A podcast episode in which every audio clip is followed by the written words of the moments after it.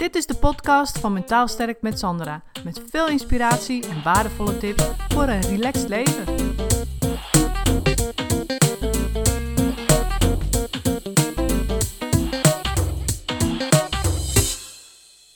Als jij pijn hebt of uh, fysieke lichamelijke problemen, dan kan het zijn dat je te maken hebt met onbegrip van anderen.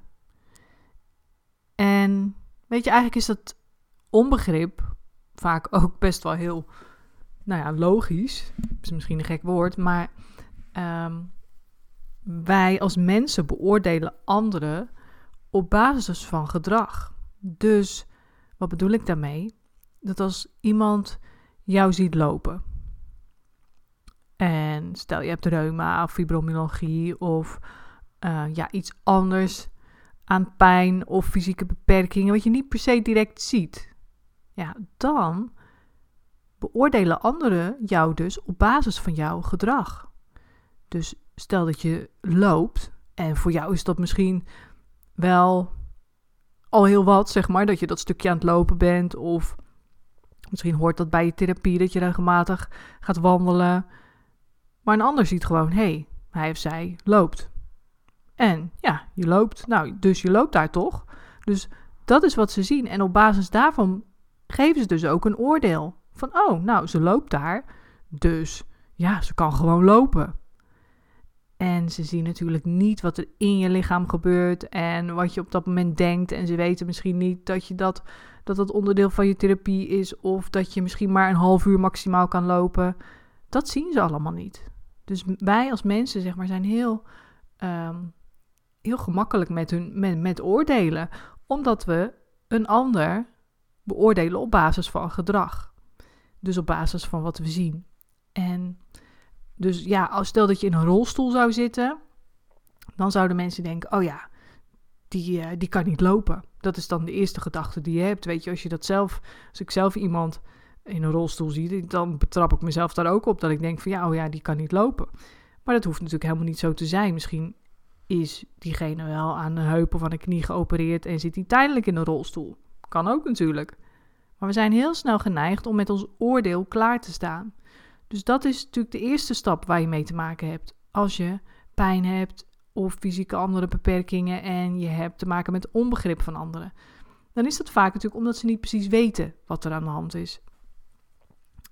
En dan kun je gaan zeggen: Oh ja, nou dan ga ik het uitleggen. Oké, dus ik ga uitleggen.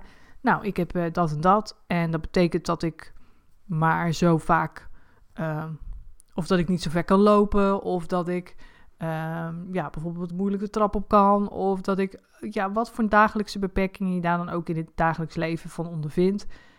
Kun je gaan uitleggen. Dat kan. En dan kun je hopen op dat stukje begrip. Nou, soms komt dat er, want als mensen dan weten van, oh, dat komt daardoor, god, dat had ik helemaal verkeerd gezien. Want ik zie je elke dag voorbij lopen. Ik denk, nou, gaat toch lekker met je. Maar ja, ik wist helemaal niet dat, uh, dat je dat allemaal aan de hand had. En dat je maar een kwartier kan lopen en dat je dan al pijn hebt. Of, weet je, dan kan dat best een stuk begrip uh, kweken. Maar je hebt natuurlijk altijd van die mensen die dat niet begrijpen of die dat niet willen begrijpen. Die daarin gewoon altijd om wat voor reden dan ook, onbegrip voor zullen hebben. Die pas, uh, ja, die, of die gewoon zelf in een soort van modus zitten van ah, niet, niet, niet zeuren, doorgaan, een beetje kom op, een beetje doorpakken en uh, stijg niet zo aan. Weet je? Die dus dat gewoon vanuit hun eigen overtuiging bekijken.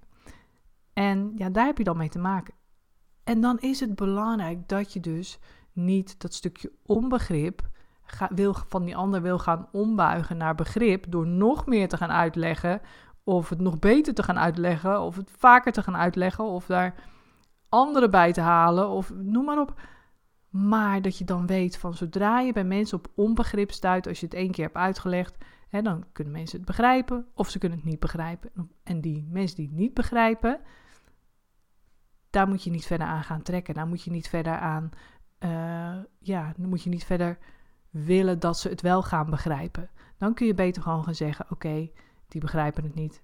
Dan ligt dus de zaak nu bij mij, namelijk dat het aan jou is om te accepteren dat een ander het niet zal begrijpen of niet wil of kan begrijpen.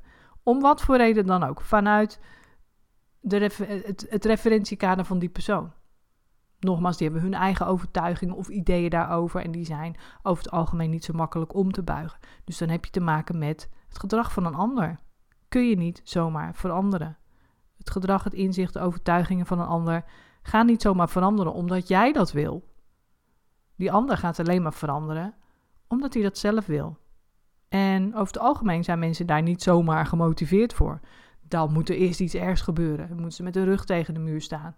Willen ze zeggen: Oh ja, nu ga ik het anders doen. Ik geef wel het voorbeeld van een alcoholist. Hè. Dus stel dat iemand die drinkt alcohol en die uh, heeft het hele leven gedaan. En iedereen heeft hem al gewaarschuwd van... joh, hou ermee op, want straks ben je je vrouw, je kinderen en je huis kwijt.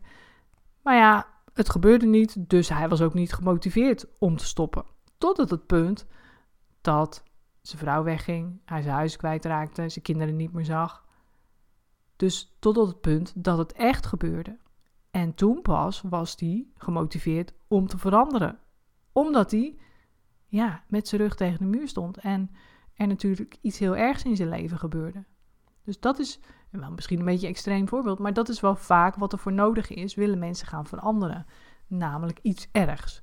En ja, als jij, uh, als het gaat over jouw fysieke of lichamelijke beperkingen, dan is dat voor andere mensen in feite niet erg. Om het maar zo even heel uh, cru te zeggen. Want zij hebben dan geen motivatie om hun gedrag te veranderen.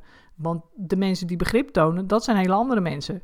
Dus de mensen die geen begrip tonen, ja, die doen dat vanuit hun eigen vastgeroeste overtuigingen en die hebben geen motivatie om dat te veranderen. Dus dan is het aan jou om te zeggen: oké, nou die persoon die is zo, die zit zo in elkaar, die gaat niet veranderen. En dan kun je voor jezelf besluiten: goh, geeft die persoon mij energie daardoor of niet? Nou, waarschijnlijk niet natuurlijk. Dus dan kun je beter zeggen: nou, dan ga ik ook dat contact, uh, die momenten van samen zijn met die persoon gewoon niet meer aan. Want dan kost dat mij te veel energie. En die energie kun je veel beter gebruiken om je te richten op dingen die je wel energie geven. En ja, als je lichamelijk of fysiek beperkt bent, dan heb je natuurlijk al, kost het je al heel veel energie. Dus daarom is het ook zo belangrijk om mensen die jou, uh, die geen, geen begrip voor jou hebben, om die ten eerste te accepteren zoals ze zijn, als je ze in je leven wilt houden. En anders gewoon, ja, is het gewoon beter om te zeggen, nou, dan maar niet, weet je wel. En je te richten op die mensen die wel begrip voor je hebben. Want ja, dat is natuurlijk een stuk fijner. Dat is een stuk beter. En daar krijg je misschien zelfs wat energie van. Van begrip en steun van anderen is natuurlijk heel belangrijk. En dat, dat zie ik ook altijd in mijn praktijk. Mensen die een goed netwerk om zich heen hebben met veel steun. Um, ja, soms gewoon uh, wat we dan noemen instrumentele steun. Dus mensen die, die helpen om boodschappen te doen of je ergens naartoe te rijden. Of weet je, maar ook gewoon emotionele steun. En beide zijn belangrijk. Dus richt je op de mensen die jou dat wel kunnen geven. Dus ik hoop dat ik je daarmee weer een beetje verder heb geholpen. En ik wens je een hele fijne ochtend, middag, avond of nacht. En tot de volgende podcast. Doei doei!